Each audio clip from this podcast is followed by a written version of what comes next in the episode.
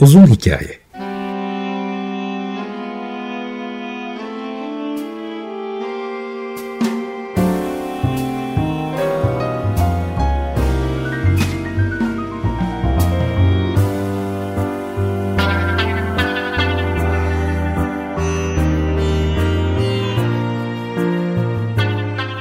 Hazırlayan ve sunan Muzaffer Çorlu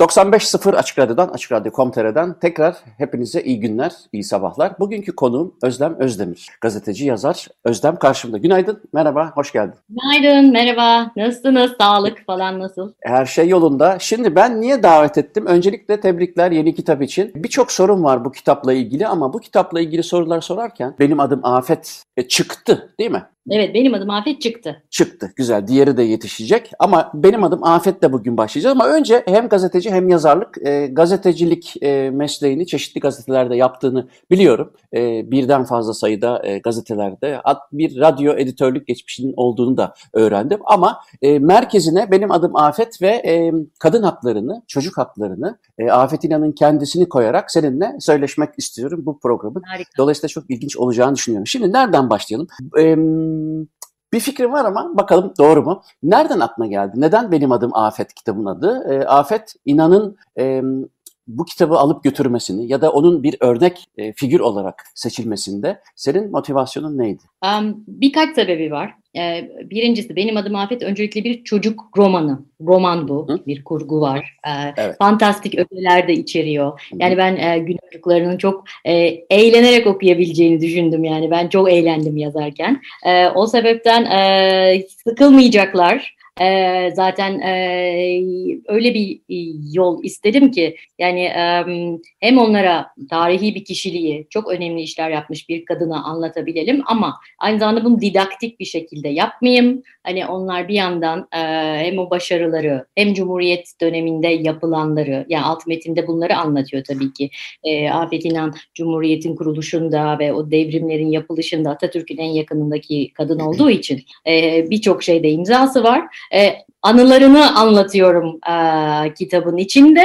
E, o yüzden e, yani çocuklarımıza e, eğlenceli bir dille hem çok önemli bir kadını tanıştırıyoruz hem Cumhuriyet'in e, ne gibi e, amaçları olduğunu, Atatürk'ün neler yapmak istediğini, e, Afet İnan'la anıları üstünden e, anlattığım bir roman. E, ben 2018 yılında e, İlham Veren Cumhuriyet Kahramanları Öncü Kadınlar diye bir kitap da yazmıştım. Yine gençlerin e, yani her yaşa uygundu ama daha çok gençlerin e, anlayabileceği bir sadelikte e, yazdım ki onlar da yine 25 kadını yazmıştım orada da.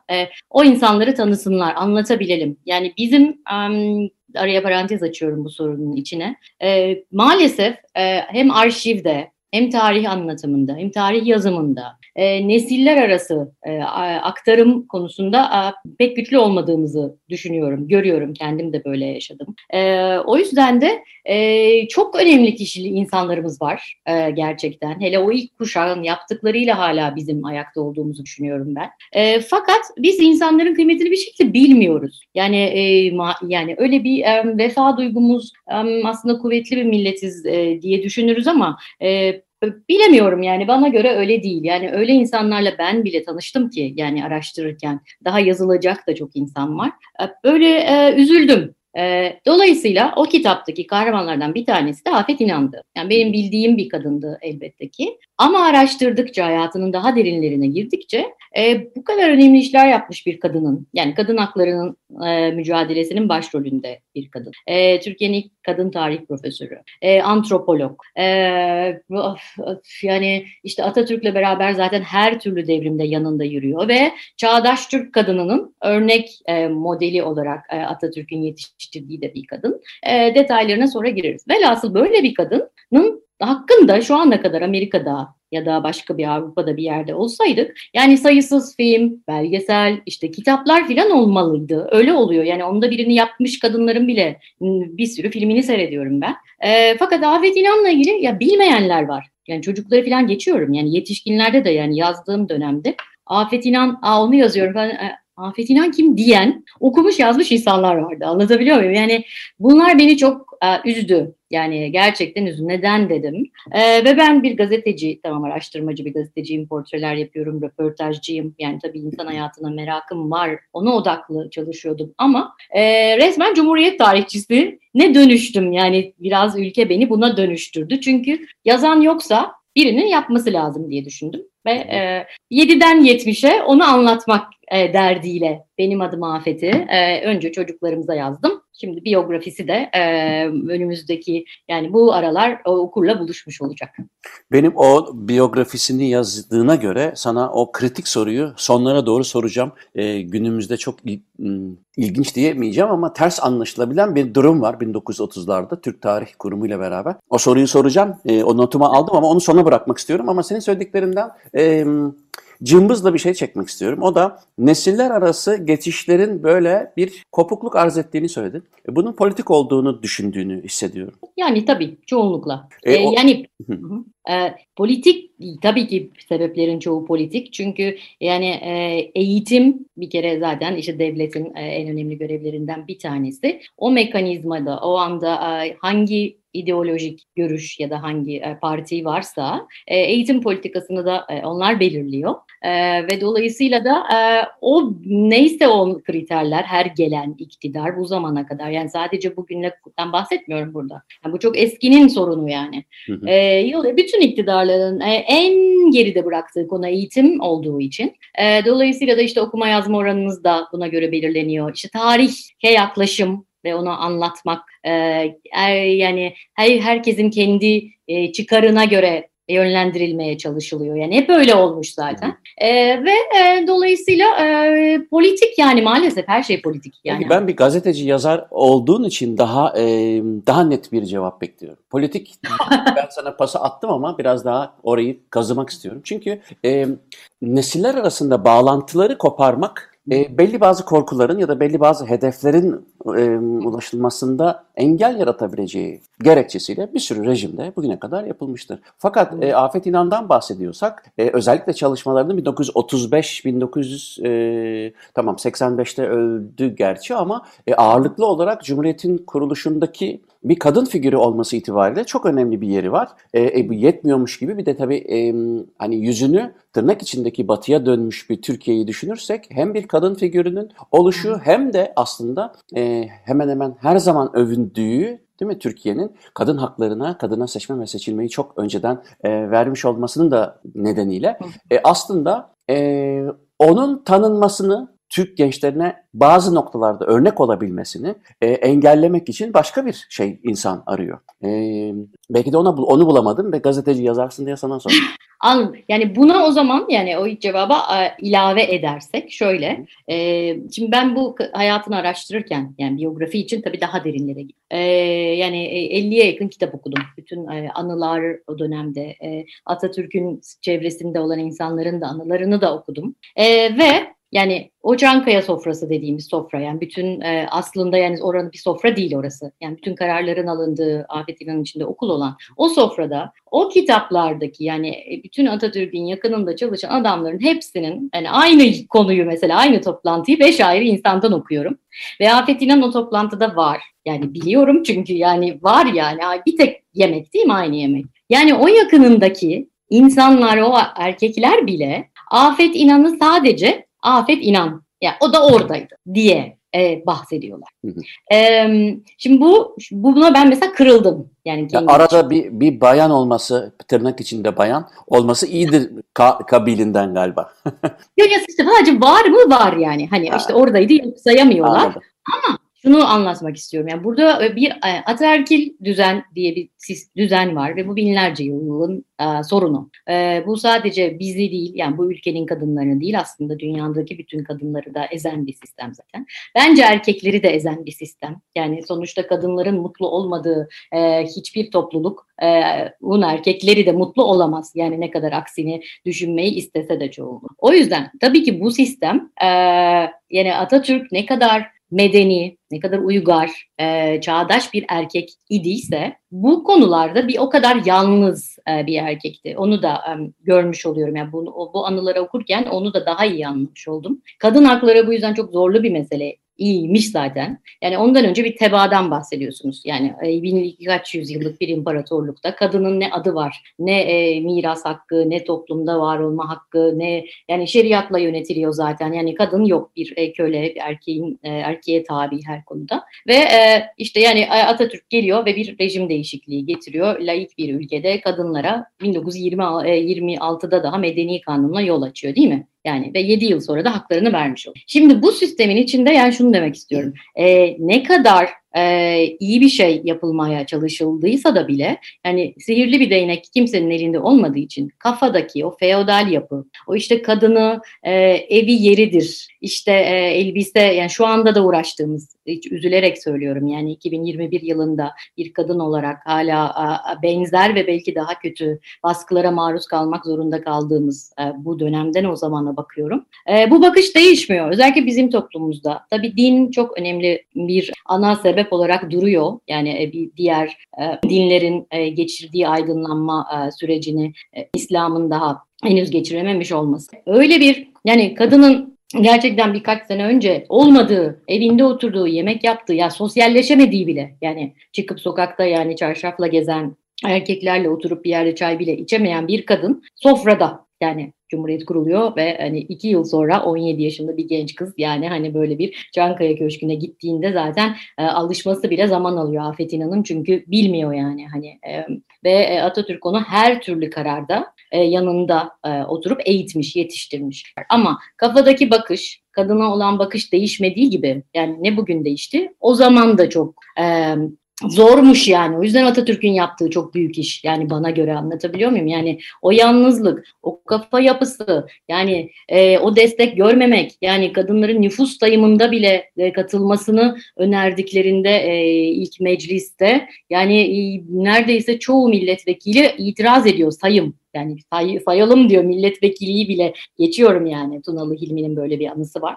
Yani böyle bir kafa yapısından e, yani medeni kanunu getirmek, arkasından e, kadınlara 7 sene içinde öyle ya da böyle e, haklarını sağlayacak o zemini yaratmak bütün itirazlara rağmen hakikaten devrimdir. Afet İnan da bunun içinde gerçekten başrolde yer alıyor. Yani onun da bir anısı var zaten onu da sonra anlatırım. Hı hı. Şimdi tabii şöyle hani ondan da bahsederiz çünkü o konuda makale yazdığını biraz önce söyledin. Ee, öncü kadınlar son derece önemli. Şimdi e, Türkiye Cumhuriyeti'nin kurulduğu ya da kurulma aşamasındaki yılları düşünürsek Tabii bunu tarihçiler ve e, siyaset uzmanları daha iyi anlatacaktır ama en azından şöyle bir gerçeklik var. O da e, büyük ülkelerde, Fransa'da, e, İspanya'da, İtalya'da, Almanya'da e, ağır faşizm kurallarının, e, Portekiz'de hakeza e, olduğu bir e, dönemden bahsediyoruz ve Türkiye'de tabii ki Mustafa Kemal Atatürk'ün e, ve arkadaşlarının ama özellikle öncü kadınların e, rolü çok büyük. Fakat ben şöyle bir baktığım zaman Mustafa Kemal Atatürk'ün e, hani şu şöyle bir e, destekleyiciliği var. E, evet, Afet İnan'la tanıştıktan sonra onu Ankara'ya e, çağırması ve işte Lozan'a gitmesi vesaire e, öncelikle eğitiminin sağlam alınmasını e, sağlıyor ama bu sadece Afet İnan'a özgü değil. Müzikte de bu böyle. E, erkeklerin yanı sıra mutlaka kadınlarda yani e, o koşullarda olabildiğince cinsiyetsizce bakarak hatta e, pozitif ayrımcılığı gözeterek ve dolayısıyla da bir öncü kadınlar kuşağının yaratılmasına yol açıyor ki bugün hala yiyip yiyip bitiremediğimiz e, onların aslında e, miraslarıyla dolu her taraf. Sanatta, bilimde, politikada. Dolayısıyla işte bu öncü kadınlar e, mevzusuna da bir paragraf açalım istiyorum. E, çünkü evet. yazdın değil mi? Ya da o 25 tane kadından bahsederken. O bir çok kısaca bir geçelim mi orayı? Ondan sonra kitaba e, ve başka konulara da geçelim. Tabii tabii. Ee, şimdi benim o kitabımda 25, e, yani önce kitabımı şöyle kısaca belki merak edenler olursa anlatmış olayım. Ee, hemen hemen her meslekten, yani politika hariç, e, özellikle gençlere de ilham verebileceğini düşündüğüm hemen hemen her meslekten 25 kadın seçtim. İlk e, seçtim. Onun önce erkeklerini de yazdım sonrasında e, biz eşitiz ve hayatı beraber paylaşıyoruz diye e, pozitif ayrımcılığı önce e, kadınlara yapsam da sonra erkeklerini de yazdım. Velhasıl e, yani bana nasıl umut verdi biliyor musunuz o kitabı yazarken? Yani birbirinden farklı e, geçmişleri olan, birbirinden farklı aile yapıları olan çoğu çoğu birkaç tanesi hariç yoksulluk yani yoksulluktan bahsediyoruz. Yani şimdi bizler çok şımarız. Yani ben gerçekten o kitabı özellikle yazarken kendim dahil olmak üzere ne kadar şımarıklık ettiğimizi e, gördüm e, genel olarak söylüyorum. Çünkü yani e, savaştan çıkmışsınız. Yani çok yıllar sürmüş bir de zaten sadece. Yani Kurtuluş Savaşı çok uzun. Ondan önce de yani işgal altındasınız. Birinci Dünya Savaşı. Yani sürekli bir yorgun bir halk var. Para yok, açlar, yoksullar. E, ve e, sonra bir e, cumhuriyet kuruluyor. Ve e, dediği aynen sizin bahsettiğiniz gibi. Yani o yoklukta e, yani yurt dışına öğrenci gönderilme projesi e, hazırlanabiliyor. Yani e, yetenekli, akıllı gençler. Keşke o devam etseydi. Mesela o Harika Çocuklar projesi de çok mühimdir. Siz müzikle ilgilendiğiniz için biliyorsunuzdur. Yani e, o, ne, o insanların hepsi gidip geri dönüp burada insan yetiştirdiler. Yani o insanların eseriyiz bizler de yani bizim anne babalarımız, dedelerimiz. Bu çok önemli e, bir e, kazanımdı. Benim kitabımdakilerin de hepsi yurt dışına gidip dönmüşler zaten. Ya bir de öyle insanlar seçtim. Yani hem yurt dışında bir şeyler e, başarmışlar. Hem NASA'ya giden ilk Türk kadını, hem işte Marie Curie'den ilk ders alan Remziye Hisar mesela ilk kadın kimyagerimiz. E, yani işte Cahide Sonku yani ilk e, bizim e, kadın yönetmenimiz. Yani hayatı ne kadar trajik değil mi? Sonra yani maalesef üzülüyor insan.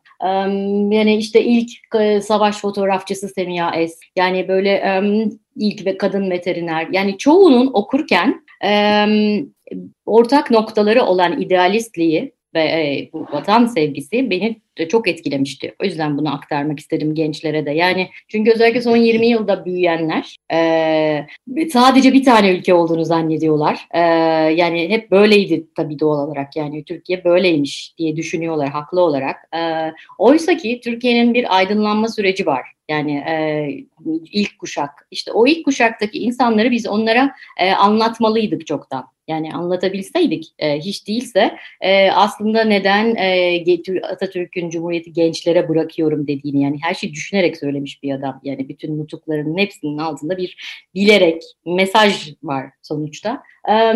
Yani ben de bu kitapla beraber onlara da anlatırken hep şunu söylüyorum. Bakın siz her şeyi yapabilirsiniz. Yani bu insanlar ellerinde Google yok. Yani, yani Dilhan Eryurt yani NASA'ya giden ilk Türk kadını örneğin e, şeye e, burs alıp e, kazandığında Michigan Üniversitesi'ni e, seçtiği proje yıldızlar üzerine bir proje. En zor olan projeyi seçiyor. E, ve bir bilgisayar programı yazması gerekiyor. Bilgisayar görmemiş hayatında. Üniversitede bilgisayar olmadığı bir dönemde okuyor. Ve bilgisayar kullanmayı kütüphaneye giderek yani kitaplardan okuyarak öğreniyor ve kod yazabiliyor. Yani ben kod yazamam yani siz yazabilir misiniz bilgisayar kullansam bile yani mümkün değil. Ben, açık ben bunu öğrendim. Ha, ya dehşete düştüm. Yani şimdi bu böyle anlatınca yani gençler falan inanamıyor yok canım nasıl olur falan diye. Ama işte öyle olmuş yani çalışmışlar ve yapmışlar. Şimdi e, bizim teknoloji diye bir, e, bir avantajımız var. Bakın sizinle başka ülkedeyiz değil mi?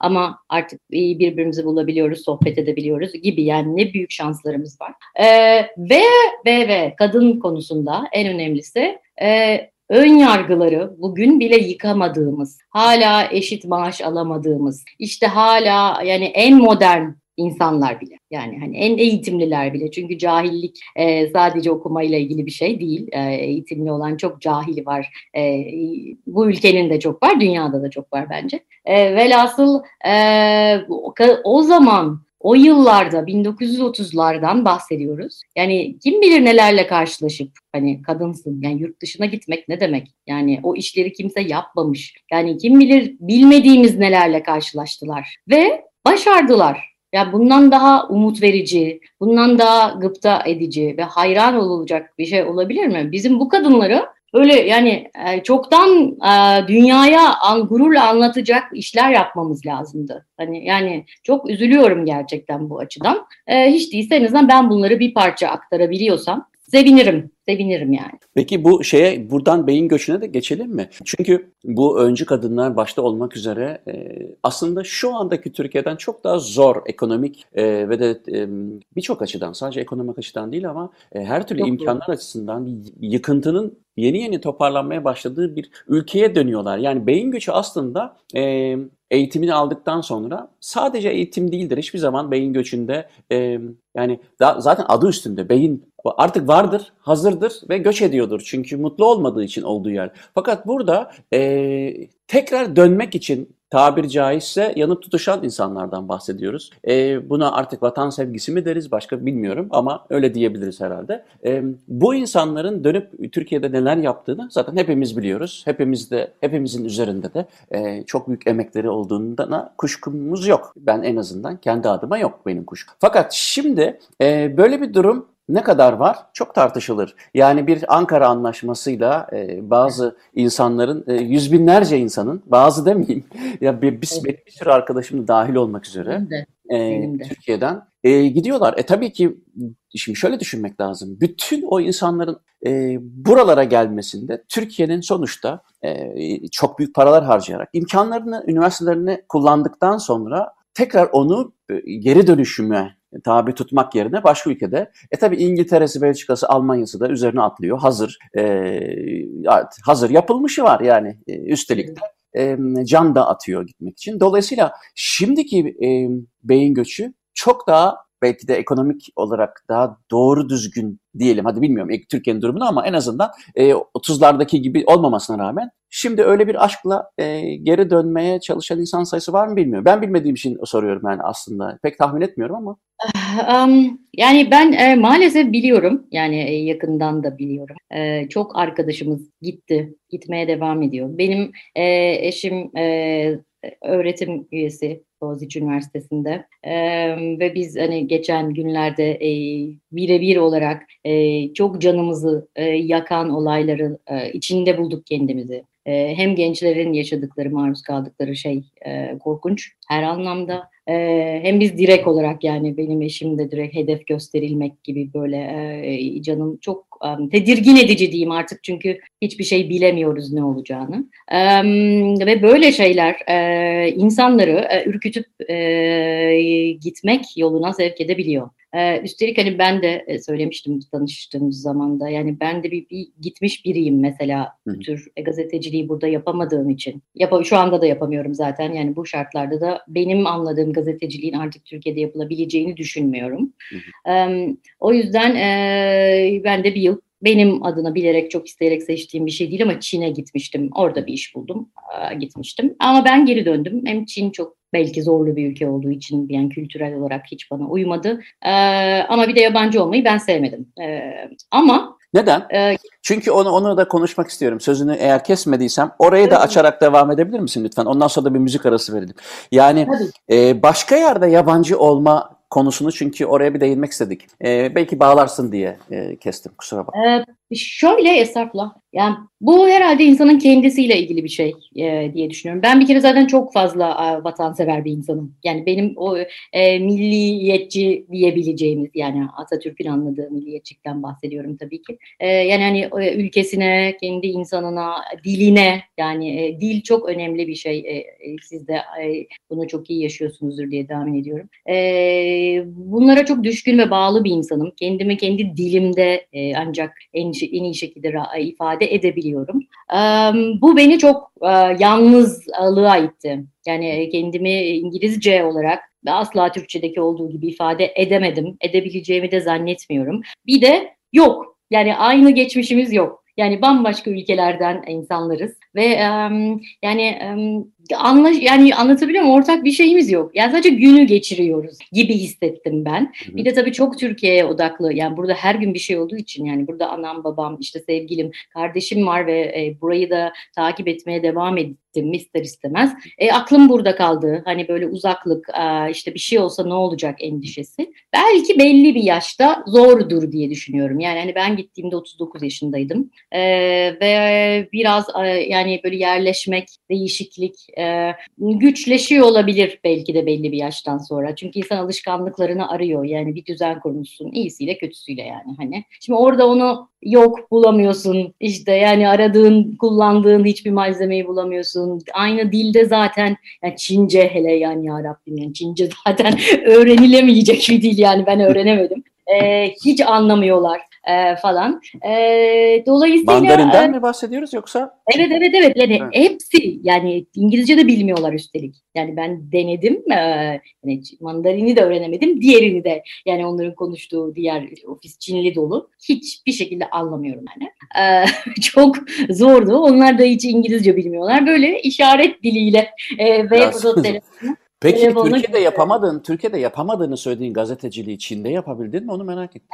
A, tabii ki hayır. Ya zaten çok yanlış bir yerde. Yani Türkiye'de... Ben de onu yani Herhalde en son aklına Çin gelir, İran gelir değil mi? Yani Türkiye'de yapamıyorsan orada nasıl yapacaksın Allah aşkına? Mümkün değil. Yani o açıdan zaten çok ha yani tamam neyse ya sürem de olsa da dönsem gibi bir şey döndü benim için. Çünkü yani benim için gerçek önemli, doğru önemli. Abi yani oraya gidiyorsun. Yani e, aa ajanstan bir şey geliyor ve e, ya kelime değiştiremiyorsun kelime. Yani diyorum ki yani bakın bunun yerine işte yani güzel yerine e, hoş işte bir şey diyebilirsiniz. Türkçe zengin bir şey. Mümkün değil yani bilmem kaç müdüre sorana kadar kelime ya ben yazarım diyorum yani o kadar değil yapılabilir böyle daha zengin oldu. Onu bile değiştiremiyorsunuz yani çok çok e, korkunçtu yani. Ben distopyayı orada gördüğümü zannediyordum ama artık dünya pandemiyle e, distopyaya döndüğü için o da e, Çin'le sınırlı kalmadı. Yani ben sevmedim. E, Avrupa'ya da gitsem de değişir miydi bilmiyorum. Bir de Türk ön yargısının çok olduğunu görüyorum. Arkadaşlarımdan çok duyuyorum. Her ne kadar görüntü ya da işte şey olarak eğitim seviyesi vesaire gibi şeylerle belki 5-6 yıl önce o kadar sıkıntı yaşamıyor olabilir eğitimli kesim ama bence anladığım kadarıyla şu anda artık o da kalkmış politik sebeplerle.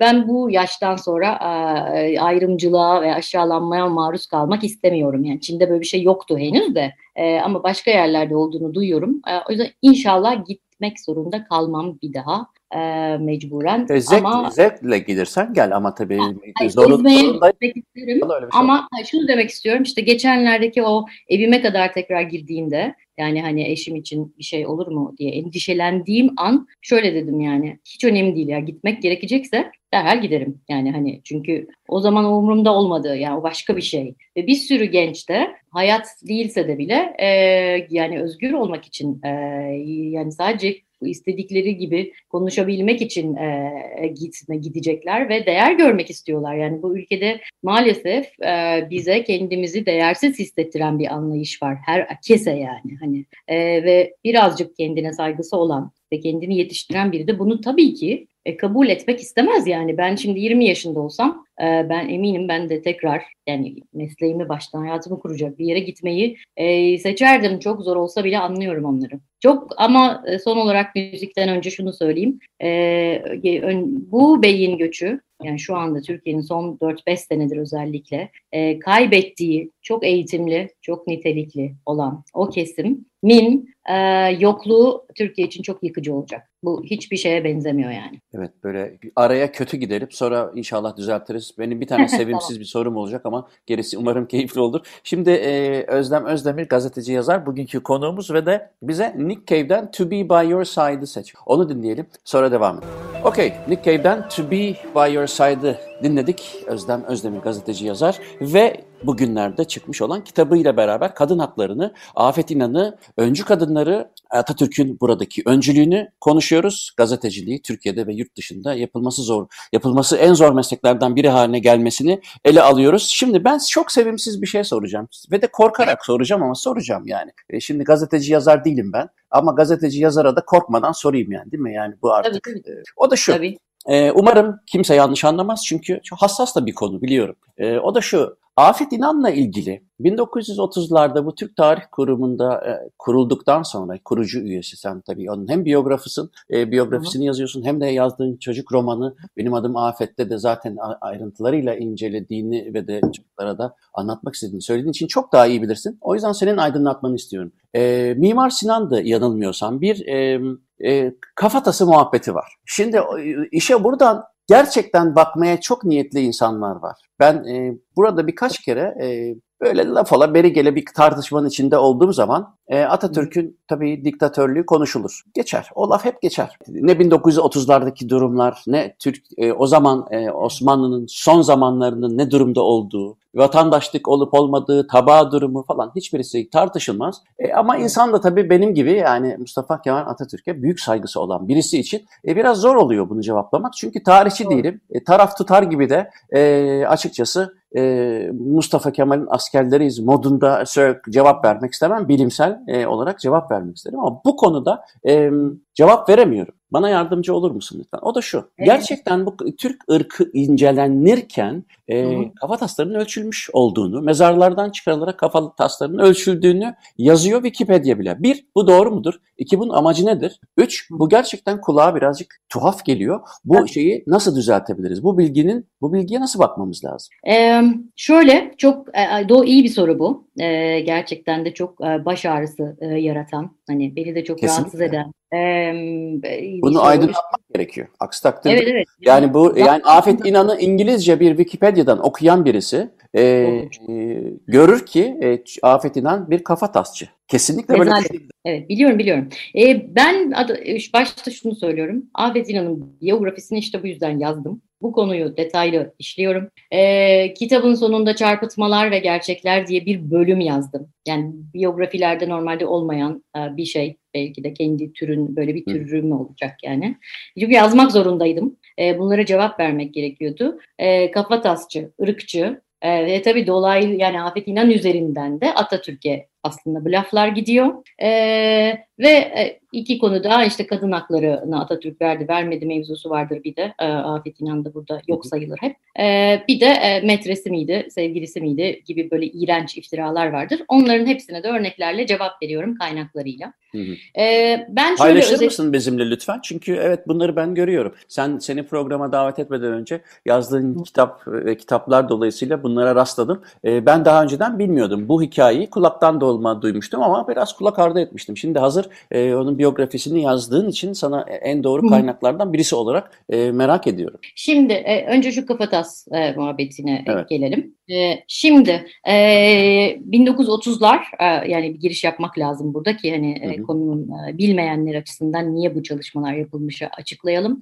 E, 1930'lar zaten kültür devrimi diyebileceğimiz Atatürk'ün o yılları dil, tarih, işte antropoloji, e, arkeoloji bunların hepsi bir bütün. Bu çalışmalar yapılırken e, Afet İnan da tarihçi olarak yetişiyor e, biliyorsunuz. E, en önemli e, aslında Atatürk zaten çağdaş bir devlet yarattığı için e, istiyor ki yani Türklerin tarihi nedir onu iyi bilelim. Hani biz gele, gele, nesil gelecek nesillere yani yeni bir devlet kuruyorum ulus devlet olabilmek için de o çağın gerçekleri bunlar. E, tarihimizi iyi bilmemiz lazım diye bu araştırmalara yöneliyor. Afet İnan'ın rolüyle konuya geleyim. Afet İnan da e, Fransızca bilgisi sayesinde Türklerle ilgili barbar işte falan filan hiç başımızdan hiç kurtulamadığımız e, o etiketleri e, gördükçe e, Atatürk de ona bunları düzeltmek için araştıracaksın diyor. Ve böyle tarih çalışmaları başlıyor, Türk tarih tezi yazılıyor falan filan. Şimdi e, bizim Türk tarih tezimize göre e, Türkler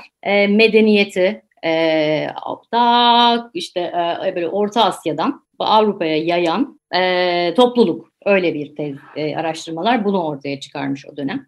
E, yani biz medeniyiz e, diyor. Avrupa'nın iddia ettiğine göre biz barbar değiliz. Yani Atatürk bunu ispat etmek için bu araştırmaları. E, ve sonra e, o dönem tıpkı sizin başta söylediğiniz gibi dünyada faşizmin yükselmeye başladığı yıllar. Hitler bir tarafta e, işte Mussolini, diğer, Franco. Evet, hepsi bir yanda. Atatürk burada bilim üstüne çalışıyor bu bir. Ve e, o bu e, aslında bizim bu çalışmalarımız e, içe dönük değil dışa dönük çalışmalar. Yani Türk, Türklerin medeni, barbar olmayan e, bir toplum olduğu ve, ve nasıl köklü bir geçmişi olduğunu anlatmak için e, tarih, dil bilim, arkeolojik çalışmalar, antropolojik çalışmalar yapılırken eksik resmin tamamlanması için de e, fiziksel özellikleri de bilmek gerekiyor. Yani hani çünkü hepsi bir bütün. E, Profesör Doktor Zafer Toprak vardır. Bunu da buradan söyleyeyim kaynakça. Ben şimdi özetliyorum. Ben ondan çok yararlandım. Ama bütün bu bilimsel sizin için de söylüyorum okuyabilirsiniz. Darwin'den Dersim'e diye müthiş bu dönemi yazar. Hı hı. E, o da o zaman anlatıyor. E, or, orada da var. Yani e, şöyle bir şey var. E, bütün araştırdığınız verileriniz var. En son gerçekten Türkler kimdi ve geçmişi nasıldı, nereden geldiler? E, anlayabilmek için fiziksel özellikleri nasıl bulacaksınız? Antropoloji. Yani dünyadaki o e, bilim o. Fakat Mimar Sinan'ın e, kafas mezarı açılıp kafasının oradan çıkarılması bir yalan. İşte Afet bu önemli çünkü e, özür dilerim. O burada e, başta söylemek e, istediğim şeyi belki de daha iyi ifade etmek için söyleyeyim. E, bir antropolojik olabilir ya da başka bir bilim sebebiyle zaten kafa tası incelemesi yapılır. Kafa tası incelemesi evet. yapmak başka bir şey. Kafa tasçı evet. olmak başka bir şey. Dolayısıyla Aynen e, bu ikisinin ayrımını bilmeden böyle lap diye e, olaya yaklaşan kişiler için söylüyorum ki, e, aydınlatılmış olsun. Çünkü burada tabii, tabii, kafa kesinlikle. tasçılığı yapmak bir figüratif bir şey ama kafa tası incelemesi bir, bir bilim araştırması olabilir. Ha, evet yani şöyle yani dünyanın her yerinde etnografya müzeleri var. Evet, tabii. Yani bu bilmeyenler için e, söylemiş olalım var. Niyoloji adlı bir bilim de var. İşte kafa tasları inceleniyor. E, fakat ne Afetin, Afet İnan'ın böyle bir çalışması yok. Birincisi bu. Mimar Sinan'ın kafatasını mezarından çıkarıp işte orasını eğip kendi amaçlarına e, hizmet etmek gibi bir şey yok. Bu tamamen çarpıtma, tamamen Atatürk'ün yaptığı e, çalışmalara lekelen, leke sürmek için yapılan son 20 yılla dayanan e, bir şey. E, yalanlardan bir tanesi. Afet İnan bir anket yapıyor. E, evet, o, o dönem için dünyanın en büyük e, anketi, e, antropolojik anketini yapıyor. E, 64 bin kişiyle bunu yapıyor. Hepsi yaşayan insanlar. Yarı yarıya kadın ve erkekle yapıyor. E, ve daha önce e, Türkiye'de yani hep yabancılar böyle antropoloji tabii yani Avrupa'da geliştiği için. E, burada yani başka ülkelerde de antropoloji aynı yöntemler, aynı uygulamalarla yapılıyor. Yani, yani burada kimse bir kafasını e, yani başka bir şey yapılmıyor. Burada insanlara işkence edilmiyor. Hani ölüler mezarından çıkarılıp e, kendi işte Türktü bu kafası da şöyle yaşasın Türkler gibi e, çarpıtılan bir Türk ırkçılığı e, çıkarmak isteyenler var. Efendim böyle bir şey yok. O anketin sonuçları da e, dediğim gibi yaşayan insanlar üzerinde yapılıyor bu anket. Ve sonuçta ne oluyor biliyor musunuz? Yani Türkiye 10 bölgeye ayrılıyor belli bir dönem diliminde. Ha, Atatürk'e niye soruyorlar? Devlet desteği vermiş böyle bir şeye diye. İşte istedi Türkleri ayıracak. İşte efendim yani Kürtleri ayırmış çünkü Afet İnan demiş ki işte doğudakilerin e, böyle esmer, kara tenli falan dedi diye hiç e, ben okudum, tezi bende var. E, merak edenler sahaflardan bulabilir. Kürtler, Türkler, Lazlar, onlar bunlar gibi bir şey ayrımla yapılmıyor bu anket. Efendim diyor ki, anketin sonucunu söylüyorum size, yani raporunu söylüyorum. E, Türkiye Cumhuriyeti'nde yani şu bölgelerde yaşayan işte 10 bin kadının işte çenesi şöyle, eli kolu şöyle, işte zayıf 64 kilo yani neyse bunlar teknik detay diye şimdi söylemiyorum. Bunları fiziksel özelliklerine göre ayırıyor ve Türk milleti olarak adlandırıyor. E, Türkiye Cumhuriyeti'nde ne o dönem yani o dönemi söyleyelim. E, Cumhuriyet döneminde Atatürk'ün de böyle bir anlayışı yok. Bu anketle e, etnik bir ayrımcılık amacı güdülmüyor. Türk ırkçılığını yükseltilmek gibi bir e, amaç asla ne Afet İnan'ın çalışmasında geçmiyor bile. Alıp bakabilirler yani ben e, uydurmuyorum, propaganda yapmıyorum. Geçse söylerdim. Yani bakın ben çok cumhuriyete sadık bir insanım, öyle bir kadınım ama doğruya doğru demek gerektiğini düşünürüm. Yani yanlış bulduğum bir şey olsaydı da söylerdim zaten. Yani e, o başka bir konu. E, böyle bir şey yok. Yani herkesi, acı çok sapkın e, bu konuda yazılar da okudum. Yani Nazilerin bile yapmadığını e, yapmış Atatürk. Yani şimdi e, Naziler insanları yaktılar üstün ırk e,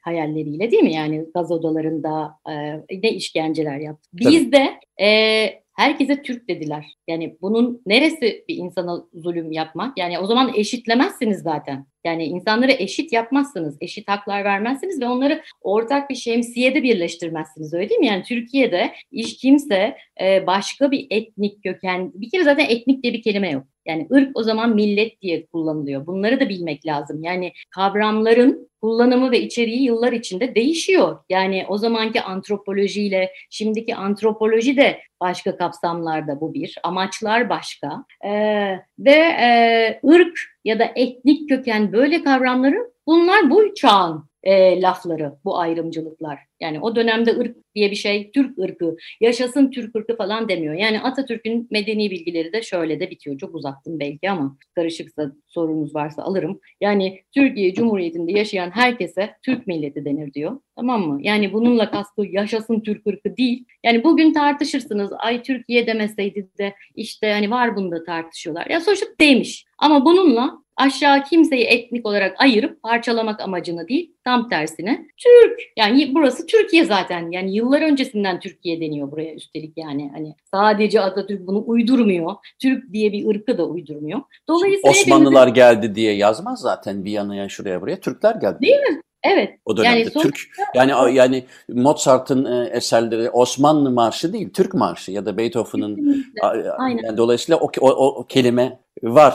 Aynen. Aynen. Yani e, böyle bir bunlar tamamen Türkiye'nin e, bizim e, Atatürk'ten nefret eden, işte o dönem e, Cumhuriyet e, karşıtlığı olan, işte yani hem siyasal İslamcıların ama aynı zamanda liberal e, bir akım vardı e, Türkiye'de. Yani hala varlar e, maalesef ki. E, dolayısıyla e, onların Türkiye'nin bir şekilde e, parçalanması yani bizim kardeşçe e, yaşamaya çalıştığımız ve hala bir şekilde çok memnunum ki yaşıyoruz yani. Başka koşullarda, başka bir ülkede bu kadar bir arada kalmak bence mümkün değildi. Örneklerini görüyoruz yani.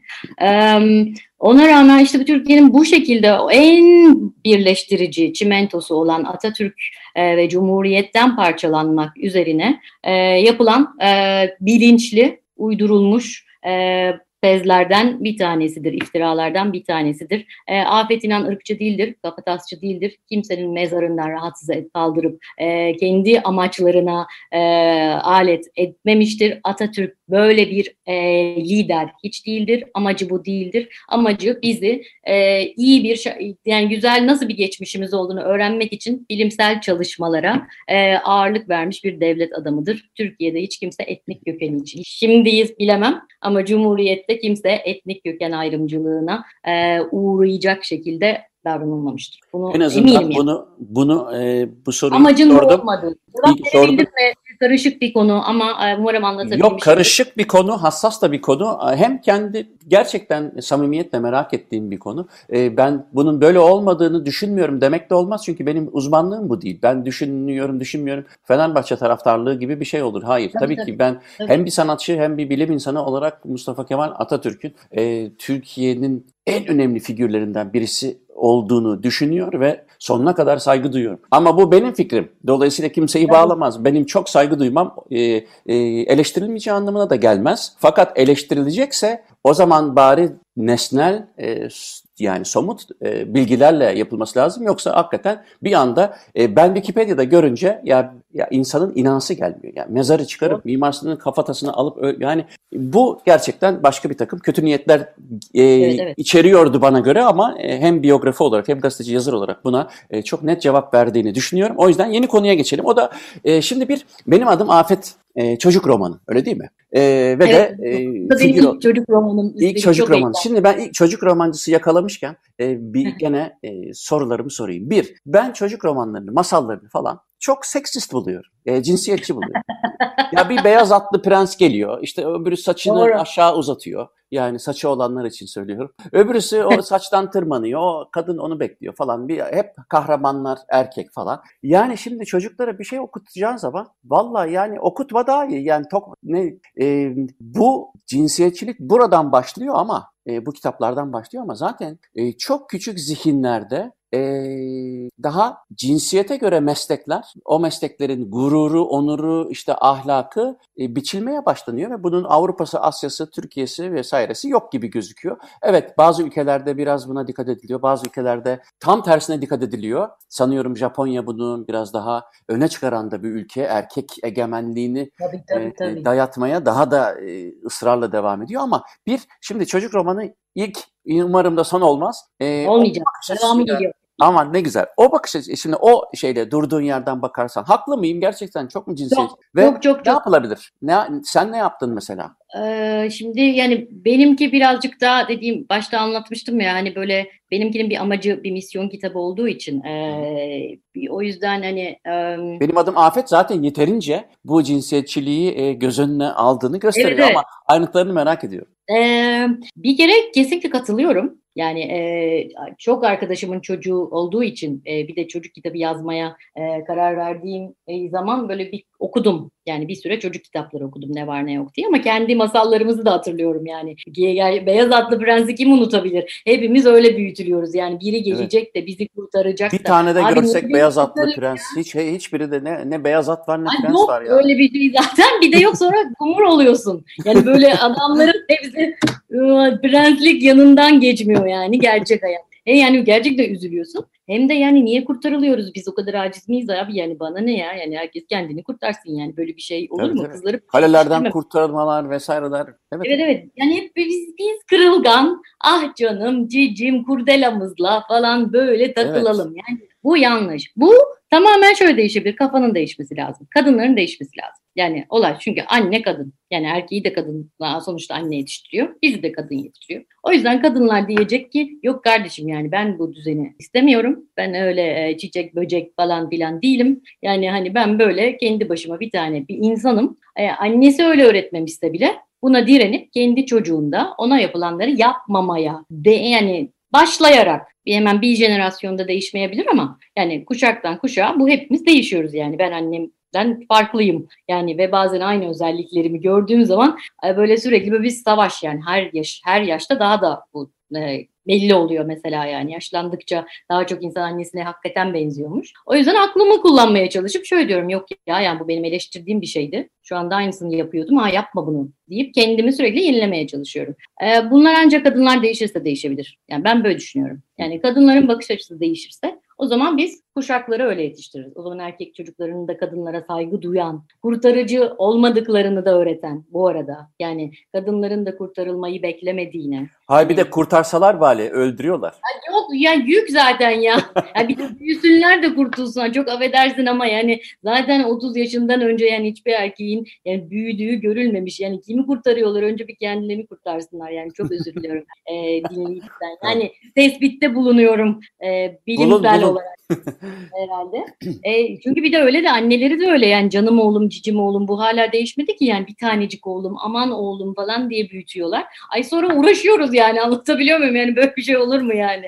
E, o yüzden kadınlar iş bize düşüyor. Yani biz e, kendimiz olmayı, Neyse o, kimsek o. Yani bir kere onu bulmamız şart. Yani o da kolay bir şey tabii ben böyle anlatıyorum ama yani çok aynaya bakmak öyle e, psikolog olduğunuz için bilirsiniz tabii. Yani e, korkunç zor bir şey. Yani e, hoş bir yolculuk olmuyor. Ama sonu çok güzel oluyor. Yani insanın böyle gittikçe e, şeffaflaşması, kendinin kim olduğunu e, fark ederek yani istediği şeyleri seçebilme hakkını keyfi başka bir şeye benzemiyor imiş yani. E, bu dönüşümü gerçekleştirirse işte o zaman toplum da değişir. O masallar da değişir. E, yani iktidarlar da değişir, dünya da değişir. Kadın yani ben bunu söylemek durumundayım. Bence dünyayı kadınlar değiştirecek. Eğer kadınlar değişim istiyorlar. Güzel oldu. Ne oldu? Şimdi e, Dolayısıyla şöyle düşündüğünü anlıyorum. Seksist, ya, cinsiyetçi e, masallar, romanlar çocuklar için e, bir sonuç dolayısıyla. Yani bir tabii, tabii. neden değil, bir tabii, sonuç. Tabii. Öyle biliyor çünkü. Yani doğrusu da öyle. Öyle öğretmeye devam ediyor yani. E, çünkü e, öyle olmalı canım. Yani aksi nasıl olabilir ki? Yani en gerçekten modern kadın nın içinden bile böyle şeyler çıkıyor yani. Ee, söylüyorum ya ben de kendimde bazen buluyorum yani. Ay böyle bir dakika ya şu anda bunu nasıl düşünebilirim? Çünkü öyle öğrenmişim. Yani kodladığımız şeyleri değiştirmek o kadar kolay değil. Peki son son sorum şu. O yüzden Şimdi... güçlü kadınları anlatıyorum romana yani romana ve sonra diğer kitaplarıma da gelirsem Hı-hı. ben bu yüzden kadın hikayeleri anlatıyorum. Hı-hı. Bir şeyleri başarmış her şeye rağmen hele ilk kuşak o yüzden onların o bütün zorluklarına rağmen e, bir şeyleri başarmış kadınların hikayeleri çok değerli. Bence bugünün genç kızlarına geleceğin e, kadınlarına ve bence erkeklerine de e, çok ilham verir. Bana verdikleri için anlatıyorum yani anlatabiliyor muyum aslında? E, en güzel referans insanın kendisi. Peki bu e, hani ben evet devam edeceğim çocuk romanlarını dediğine göre bu benim adım Afet'ten sonra başka e, projeler e, var galiba. Var. Benim adım Afet şöyle. E, benim adım Afet bir seri olacak. Hmm. Yani yazarken öyle e, şekillendi bile. E, aslında benim adım Afet. Afet İnan'ın e, hayatını çocuklara anlatıyor ama orada küçük bir kız var. Adı evet. Afet. Evet. Afet, Afet'in maceraları gibi bir şey geliyor aslında. Sonra öyle öyküsünü merak ediyor ve o şekilde evet. geçiyor galiba. Evet, evet. Bu hikaye de böyle. Sonra Hı. Afet, biz o küçük Afet'le beraber büyüyeceğiz o büyümeye devam edecek ve o e, yeni yeni e, insanlarla yeni maceralar yaşayacak. Aman bir tane kopyasını istiyorum buraya. Tabii. Çünkü Belçika'da Tabii. herhalde dağıtılmayacaktır buraya. Ee, o, o bilmiyorum herhalde. Tamam hallederiz tabii ki. Peki son sorum demiştim onu sorayım. Şimdi e, Türkiye'de e, gazetecilik her zaman zordu bildiğim kadarıyla. E, şimdi daha zor olması belki tuzu biberi olabilir. E, fakat her zaman e, bilimde de öyledir, sanatta da öyledir. Ne zaman bir toplumsal sıkışma yaşansa, bir zorluk olsa e, çözümünü beraberinde getiren başka kırılmalar oluyor. Her devrimin öncesinde büyük karanlıklar var ya da işte hani çok tünelin ucu e, evet. gibi düşünelim. Mutlaka işte evet. uzun karanlıklardan sonra aydınlık geliyor. Peki şimdi e, gazetecilik perspektifiyle söylüyorum bunu. Diğer e, alanlarda sormuyorum. Çünkü benim kendi alanımda e, özellikle bilim insanlarının ve sanatçıların e, git, göçtüğünü ama tekrar geri gittiğini de görüyorum. O yüzden durum çok karanlık değil. Hı -hı. Evet çok kişi gidiyor ama benim benim zaten sebebim de o değildi. Yani benim e, tamamen Hı -hı. başka kendi keyfimden e, Belçika'yı seçtim ya da, da üniversitedeki pozisyonum gereği burayı tercih ettim. O ayrı ama e, gazetecilik perspektifinden bakılınca şimdi e, biraz daha işler zorlaşınca insan kendi işini yapmakta zorlanırsa sosyal sebepler olabilir, politik sebepleri olabilir. Hangisi ise önemli değil. Ben genel olarak konuşuyorum. E, mutlaka arkasından belirli bir kırılma e, oluyor. Tarihte gördüğüm kadarıyla örneklerde o aslında yeni bir şeyin açılmasına yol açıyor. Türkiye'de böyle bir kıvılcım, böyle bir e, şey var mı? Ya da hani en üst şemsiyeden sorayım. Umutlu musun? Her zaman umutluyum. Her zaman. Kısa vadede değil. Yani hani iki ay, altı ay, bir yıl demiyorum. Yani e, o kadar romantik olmamayı e, hayat bana öğretti. Eskiden daha naif bakıyordum. E, ama e, ben umutsuz zaten yaşayamayan bir insanım. Yani, kendi, yani hayatımda da öyle? Özlem olarak da çok düştüğüm, e, yani sabah olmayacak e, galiba dediğim e, gecelerim de oldu hayatta. E, ama oldu o sabah. Güneş de doğdu ve bir şekilde ben bugün buradayım. E, ve Türkiye'de de çok zor bir dönem e, olduğunu düşünmekle birlikte e, yazdığım kitaplardaki dönem, o dönemler beni hayatta tutuyor aslında. E, belki de o yüzden yazıyorum. Yani sürekli o dönem başka bir hayatın mümkün olduğunu bana anlattıkları için sürekli Cumhuriyet'in ilk kuşağını yazdığımı zannediyorum ve sanıyorum insanlara başka bir hayat mümkün e, demeye çalışıyorum galiba. Bunu da yeni fark ediyorum. E, o zaman mümkündüyse her zaman mümkün. Yani o şartlarda evet tamam bir tane e, bir Mustafa Kemal Atatürk gelmeyecek olabilir ama ihtiyacımız olmamalı zaten artık. Çünkü o yapacağını yapmış ve biz varız yani ben hala 90 küsur yıl sonra bu ülkede benim gibi insanlar varsa böyle düşünen, e, ülkesini seven, çalışan e, var. Yani adlarını bilmediğimiz milyonlar var. Şu anda susan, öyle gereken yani çok iyi insanlar da var. Giden ama iyi fırsat bulsa geri dönecek insanlar da var. Dolayısıyla ve bizim çok akıllı gençlerimiz var. Biz bu ülkeyi yeniden ayağa kaldırırız yani. Evet kaybımız çok, hasar büyük ama buradayız gitmiyoruz ve çalışmaya devam ediyoruz. O yüzden benim umudum hep var. Yani Atatürk umutsuz durum yoktur, umutsuz insan vardır demiş. Çok katılıyorum. O onun o yaptıysa biz de yapabiliriz bence yapmalıyız yani. Uzun vadede umutluyum. İnsana insana dair hayal kırıklığım çok yaparız ya. Çok iyi insanlar var tam programı bitirmelik cümleyle e, tamamlamış olduk. Özlem çok teşekkür ederim katıldığın ben için. Teşekkür ederim. Hakikaten e, bugün e, konum gazeteci yazar Özlem Özdemir'di. Onunla yeni çıkarttığı e, kitabı Benim Adım Afet'i bir çocuk romanı. E, onun üzerine konuştuk. Bu vesileyle Afet İnan'ın e, kafa tasçı yaftalığını da e, bilimsel olarak ele almış olduk. Bununla birlikte e, tabii ki e, beyin göçünü kadın haklarını seçme seçilmeden tutun da günümüzdeki e, bir sürü sanatçının, bilim adamının boşta olduğu öncü kadınları konuşmuş olduk. Umuyorum keyif almışsınızdır. E, programın e, tekrarını podcast olarak biraz sonra YouTube'dan eğer başını kaçırdıysa dinleyebilirsiniz. Yarın da Spotify'da olacak. E, bana ulaşmak için Muzaffer Corlu Gmail adresine yazabilirsiniz. Muzaffer Twitter ekranından program ayrıntılarını görebilirsiniz. YouTube ve Spotify'da da podcast Haftaya görüşürüz. Hepinize günaydın.